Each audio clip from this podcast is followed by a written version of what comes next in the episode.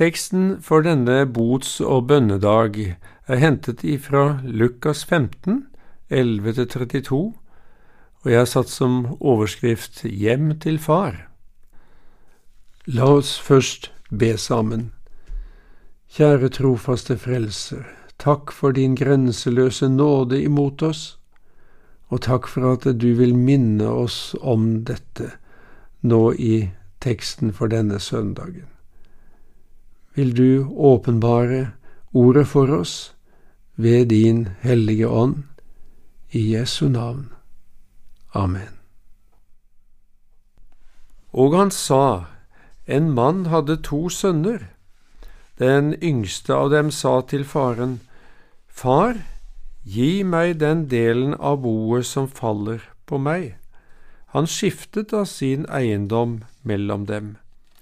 Ikke mange dager senere samlet den yngste sønnen sammen alt sitt og dro til et land langt borte, og der sløste han bort alt det han eide i et utsvevende liv. Men da han hadde satt alt over styr, ble det en svær hungersnød i det landet, og han begynte å lide nød.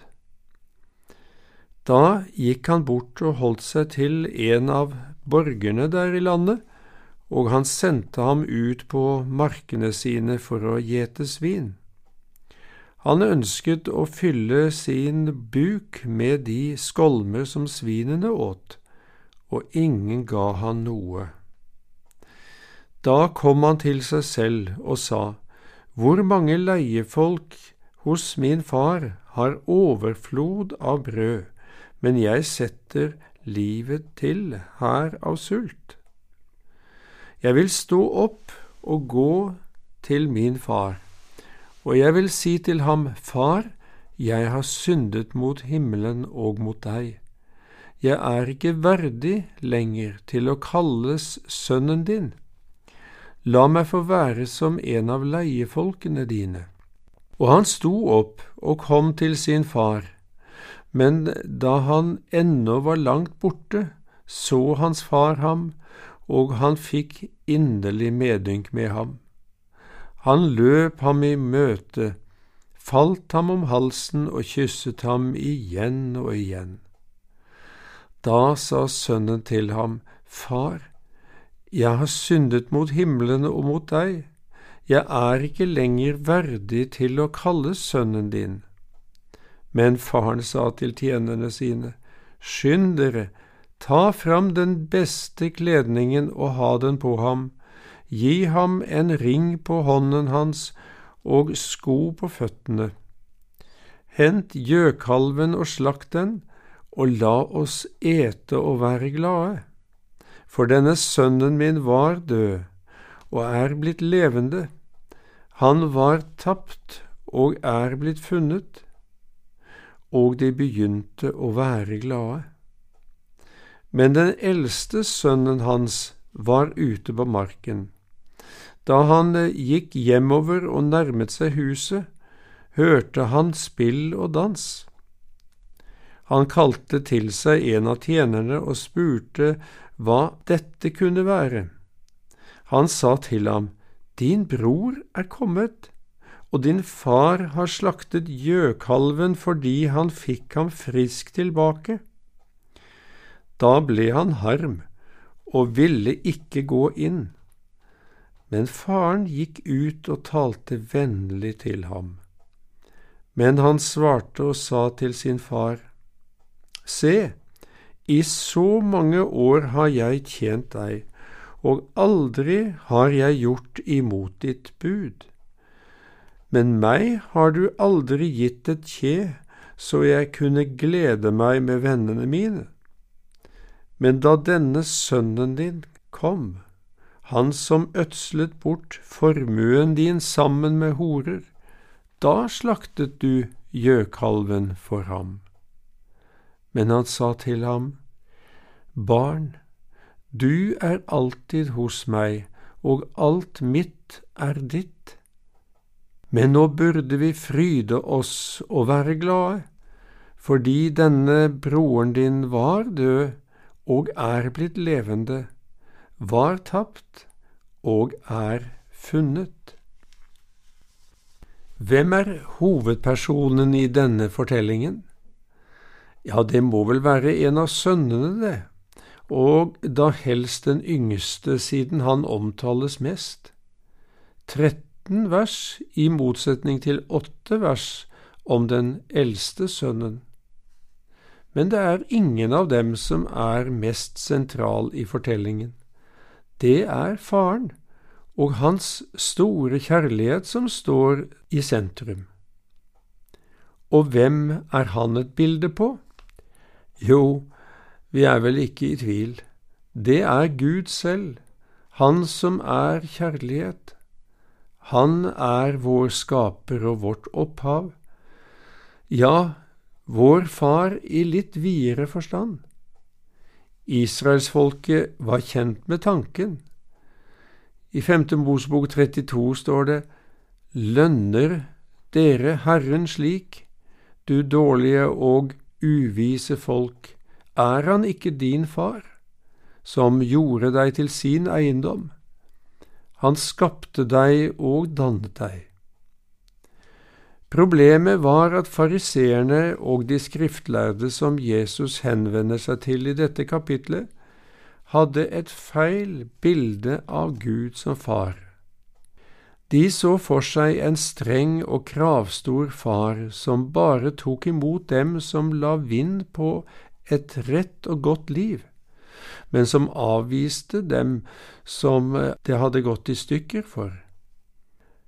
Derfor irriterte de seg kraftig over Jesus, som lot tollere og syndere flokke seg om ham for å høre ham. Denne mannen tar imot syndere og eter sammen med dem. Gjennom de tre lignelsene til Jesus i dette kapitlet om det å være tapt og funnet, viser han ulike måter det går an å komme bort fra Gud på. Noen ligner sauen som litt etter litt forvillet seg bort fra hyrden og de andre sauene og eh, finner sin egen vei. Det ble sjeldnere med bibel og bønn og samlinger om Guds ord sammen med andre kristne. Gradvis gled Jesus ut av bevisstheten og ut av livet, og en ble vant til et liv uten Gud. Samvittigheten ble tilsvarende sløvere, slik at det ikke ble så problematisk å bryte tidligere grenser. Andre ligner mer på sølvpengen som falt ut av fellesskapet med de andre. Det var et fall i synd som førte til at en ikke lenger hadde frimodighet til å regne seg som kristen. Atter andre ligner på den yngste sønnen i den siste fortellingen. Det var et bevisst ønske om å prøve livet i det fremmede landet, i anførselstegn. Det virket så spennende og gøy å leve livet som det misvisende heter. Det kan da vel ikke være så farlig å smake litt på den friheten? Men eh, han ville ikke komme tomhendt. Derfor ba han faren om å få sin del av arven, en tredjedel, siden det var vanlig at den eldste fikk to tredjedeler. Dette var eh, ganske frekt og uhørt. Han eh, viste klart mangel på respekt for eh, faren sin. Dersom arven skulle deles ut før farens død, var det han selv som i så fall skulle ta initiativet til det. Likevel skiftet faren sin eiendom mellom dem. Det betyr at den eldste sønnen fikk den delen som falt på ham, og at faren ble som kårfolk på gården. Dette er bakgrunnen for at faren sier at alt mitt er ditt. Kort tid etter samlet den yngste sønnen sammen alt sitt og dro til et land langt borte, og der sløste han bort alt han eide i et utsvevende liv. Det er fort gjort å bruke opp farsarven, også i åndelig forstand. Det er så mye lettere å bryte ned enn å bygge opp. Det ser vi i landet vårt, hvordan den kristne kulturarven har forvitret med skremmende hastighet de siste årene, godt hjulpet av gudløse lover og enkelte media. Det ser vi også individuelt hos slike som har vokst opp i et kristent hjem og har bekjent seg som kristne, men har falt fra. Selv om de har med seg noen grunnleggende holdninger fra oppveksten, ser det dessverre ut til at det kan gå nokså fort å tilpasse seg livet i det fremmede landet. Men jo mer en bruker opp av den gode arven, desto mer føler en på fattigdom og tomhet, slik som den bortkomne sønnen fikk erfare det. Men da han hadde satt alt over styr, ble det en svær hungersnød i det landet, og han begynte å lide nød. Der Gud er ute av menneskets liv, blir det en stor tomhet som oppleves som hunger eller tørst. Det er ingen fred for de ugudelige, sier Gud, ifølge Jesaja 57. Eller som Augustin uttrykker det, Du har skapt oss til deg, Gud, og vårt hjerte er urolig inntil det finner hvile i deg en av de første setningene i boken Confessiones. Det har vel knapt vært noen tid i historien med så mange rastløse og urolige mennesker som det er nå i den vestlige verden. Vi blir vant til at det hele tiden skjer noe. Mediene påvirker våre sanser store deler av døgnet. Vi er opptatt med jobb og en masse fritidsaktiviteter. Mange klarer ikke stillheten og roen. Da kommer de vanskelige tankene og følelsene. En god del prøver å gjøre som en tidligere fotballproff uttrykte det på TV. Jeg hadde en mangel i meg, sa han, og det hullet fylte jeg med alkohol og rusmisbruk. Heldigvis erkjente han at hullet bare ble enda større, for å si det på den måten. Jeg vet ikke om du har prøvd å fylle tomrommet i ditt indre med noe annet enn den himmelske maten, det levende ordet fra Gud. Har det gitt varig tilfredsstillelse? Har hungeren og tørsten sluppet taket. Den bortkomne sønnen prøvde å fylle seg med grisemat. For en jøde var det det verst tenkelige en kunne putte i munnen. Grisene var jo urene dyr som det var forbudt både å berøre og å spise. Og så skulle en altså spise mat som grisene hadde berørt, noe som var skittent og ureint i dobbelt forstand. Det er et eh, sterkt uttrykk for eh, hvor stor nød han var i. Men det var det som var tilgjengelig i det fremmede landet. Ingen ga han noe, sier Jesus. Ingen ga ham noe av virkelig verdi, slik han var vant til hjemme hos far der han hadde hatt overflod av sunn og god mat. For de som er i verden, har ingen adgang til det himmelske matlageret. Heldigvis skjedde det noe med sønnen. Da kom han til seg selv og sa, hvor mange leiefolk hos min far har overflod av brød, men jeg setter livet til her av sult. Jeg vil stå opp og gå til min far, og jeg vil si til ham, Far, jeg har syndet mot himmelen og mot deg. Da kom han til seg selv. Den som faller fra troen, får liksom et slør lagt over sansene sine som gjør at en ikke klarer å forestille seg hvor godt en hadde det da en levde i et trygt og tillitsfullt forhold til Jesus og sin himmelske Far. Når jeg møter slike, oppleves det som om de ikke lenger er seg selv, selv om de nok vil være uenige med meg der og da. Men heldigvis skjer det ved Guds nåde at noen av disse kommer til seg selv igjen. Den hellige ånd åpner øynene deres i åndelig forstand, slik at de erkjenner sin egen nød og forstår hvem som alene kan fri dem ut av denne nøden, Jesus Kristus, vår Frelser og Herre. De gjør som sønnen i fortellingen, Jeg vil stå opp og gå til min far. Det er den beste beslutningen noe menneske kan ta.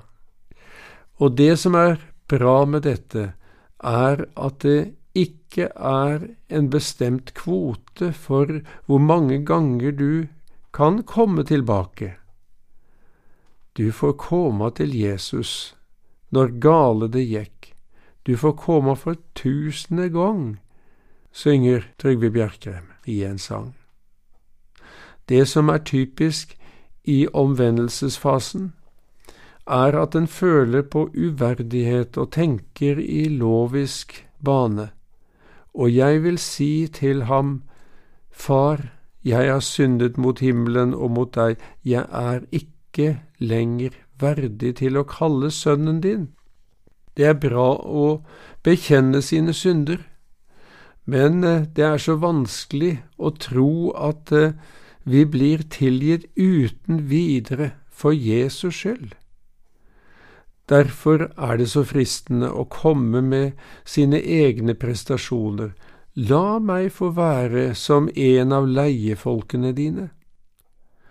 La meg få gjøre en innsats, slik at jeg i hvert fall til en viss grad kan fortjene en god behandling hos deg. Kjenner du deg igjen i denne holdningen? Jeg gjør det. Mer eller mindre bevisst har jeg prøvd å bidra med noe selv for å tilfredsstille Gud. Et rett liv, studier i Bibelen, inderlig bønn, gode gjerninger osv. Selv om jeg vet at Gud ikke krever noe av meg, sniker fortjenestetanken seg så lett inn. Det er så vanskelig å ta imot noe for ingenting. Men Gud har bare ett grunnlag for sine gaver til oss, og det er nåde. Guds ufortjente kjærlighet og miskunnhet. Han kan ikke gi oss noe uten at det er ufortjent. Helt betingelsesløst. Det demonstreres så fint i møtet mellom far og sønn. Og han sto opp og kom til sin far, heter det. Men da han ennå var langt borte, så hans far ham, og han fikk inderlig medynk med ham. Han løp ham i møte, falt ham om halsen og kysset ham igjen og igjen. Han som trodde han skulle møte en sint far, som bombarderte han med anklager, møtte en far som ventet og lengtet i kjærlighet etter sin bortkomne sønn. Det viste han ved å løpe ham i møte med en gang han oppdaget ham, falt ham om halsen, kysset ham igjen og igjen. En hjertelig omfavnelse og mange kyss på kinnet er et kroppsspråk som vitner om tilgivelse, godhet og omsorg, før sønnen hadde rukket å komme fram med sitt ydmyke forslag om å få være tjeneren hans. Nei, han var jo sønn og kunne aldri bli noe annet.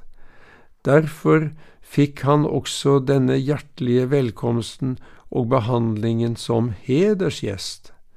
Men faren sa til sine tjenere, Skynd dere, ta fram den beste kledningen og ha den på ham, gi ham en ring på hånden hans og sko på føttene, hent gjøkalven og slakt den, og la oss ete og være glade. For denne sønnen min var død og er blitt levende, han var tapt og er blitt funnet. Og de begynte å være glade. For en far, en far ulik alle andre, som det heter i en sang. En fullkommen far som langt overgår alle jordiske fedre. Er du kommet i en situasjon hvor du lurer på om Gud Fader i himmelen vil ta imot deg igjen? Du har kanskje ikke falt så dypt som sønnen Jesus forteller om, men det har likevel skjedd noe i livet ditt som tar fra deg frimodigheten til å vende tilbake til din himmelske Far. Inni deg er det en stemme som sier du kan da ikke komme tilbake til Gud slik som du har stelt deg. Han kommer bare til å avvise deg. Og er det noe vi er redd for, så er det å bli avvist. Derfor har du kanskje holdt deg på avstand fra Gud i det siste ved å kutte ut både Bibel og bønn. Men hva er det Jesus vil lære oss om Gud i dag? Jo, at Herren er barmhjertig og nådig, langmodig og rik på miskunnhet. Derfor heter det i Jesaja 55, Den ugudelige må forlate sin vei, og den urettferdige sine tanker, og omvende seg til Herren. Så skal Han forbarme seg over ham og til vår Gud, for han vil gjerne forlate alt. For han er rik på tilgivelse. Dette har Gud gjort mulig ved at han la ansvaret for alle syndene dine på sin fullkomne sønn Jesus Kristus. Slik det står profetert i et par kapitler foran i Jesaja, men han ble såret for våre overtredelser, knust for våre misgjerninger. Straffen lå på ham for at vi skulle ha fred, og ved hans sår har vi fått legedom. Vi for alle vill som får. Vi vendte oss hver til sin vei, men Herren lot den skyld som lå på oss alle, ramme ham. Hør nå, når skylden din ble lagt på ham, på Jesus, ligger den ikke lenger på deg. Én ting kan jo ikke ligge på to steder samtidig, kan det vel? Derfor kan Gud tilgi deg all din skyld med en gang du ber ham om tilgivelse, og vender deg til Jesus i takk og tillit for det han har gjort for deg. Du kan være helt trygg, du blir ikke avvist. Det er heller slik at det er Gud som venter med lengsel på at du skal komme til ham med alt som gikk galt. Som Jesus sier selv i Johannes 6, alle de som Faderen gir meg, kommer til meg, og den som kommer til meg, vil jeg slett ikke støte ut. Festdrakten, Jesu rettferdighet, er klar. Med en gang du vender deg til Jesus, lyder det en himmelsk befaling slik det ble sagt om ypperstepresten Josva i Zakaria 3. Og engelen tok til orde og sa til dem som sto foran ham, Ta de skitne klærne av ham, og til ham selv sa han, Se, jeg tar din misgjerning bort fra deg og kler deg i høytidsklær. Vi liker å være kledd for anledningen, og ha rett kleskode, som det heter. Når du er kledd i Jesus Kristus, er du virkelig kledd for anledningen, den himmelske bryllupsfesten. Denne kledningen får du helt gratis av bare nåde, ikke fordi den er av dårlig kvalitet, men fordi Jesus selv har betalt for den med sin lidelse og død. De begynte å være glade, hørte vi, alle sammen unntatt den eldste sønnen. Han var ute på marken da broren hans kom hjem. Han hadde så mye han måtte gjøre. Da han fikk greie på årsaken til festen, ble han harm og ville ikke gå inn. Far kom også denne sønnen i møte, men faren gikk ut og talte vennlig til ham, hørte vi. Her var det ingen befaling om å delta i festen og gleden. Han tok det med det gode og prøvde å smelte hjertet hans med kjærlighet. Men sønnen var ikke mottagelig for det slag. Men han svarte og sa til sin far, Se, i så mange år har jeg tjent deg, og aldri har jeg gjort imot ditt bud. Men meg har du aldri gitt et kje, så jeg kunne glede meg med vennene mine. Men da denne sønnen din kom, han som ødslet bort formuen din sammen med horer, da slaktet du gjøkalven for ham. Her får vi et innblikk i et hjerte som er opptatt av innsats og fortjeneste. Det hadde tydeligvis ikke gått opp for han at han allerede hadde fått sin del av arven. Faren skiftet jo sin eiendom mellom dem, hørte vi.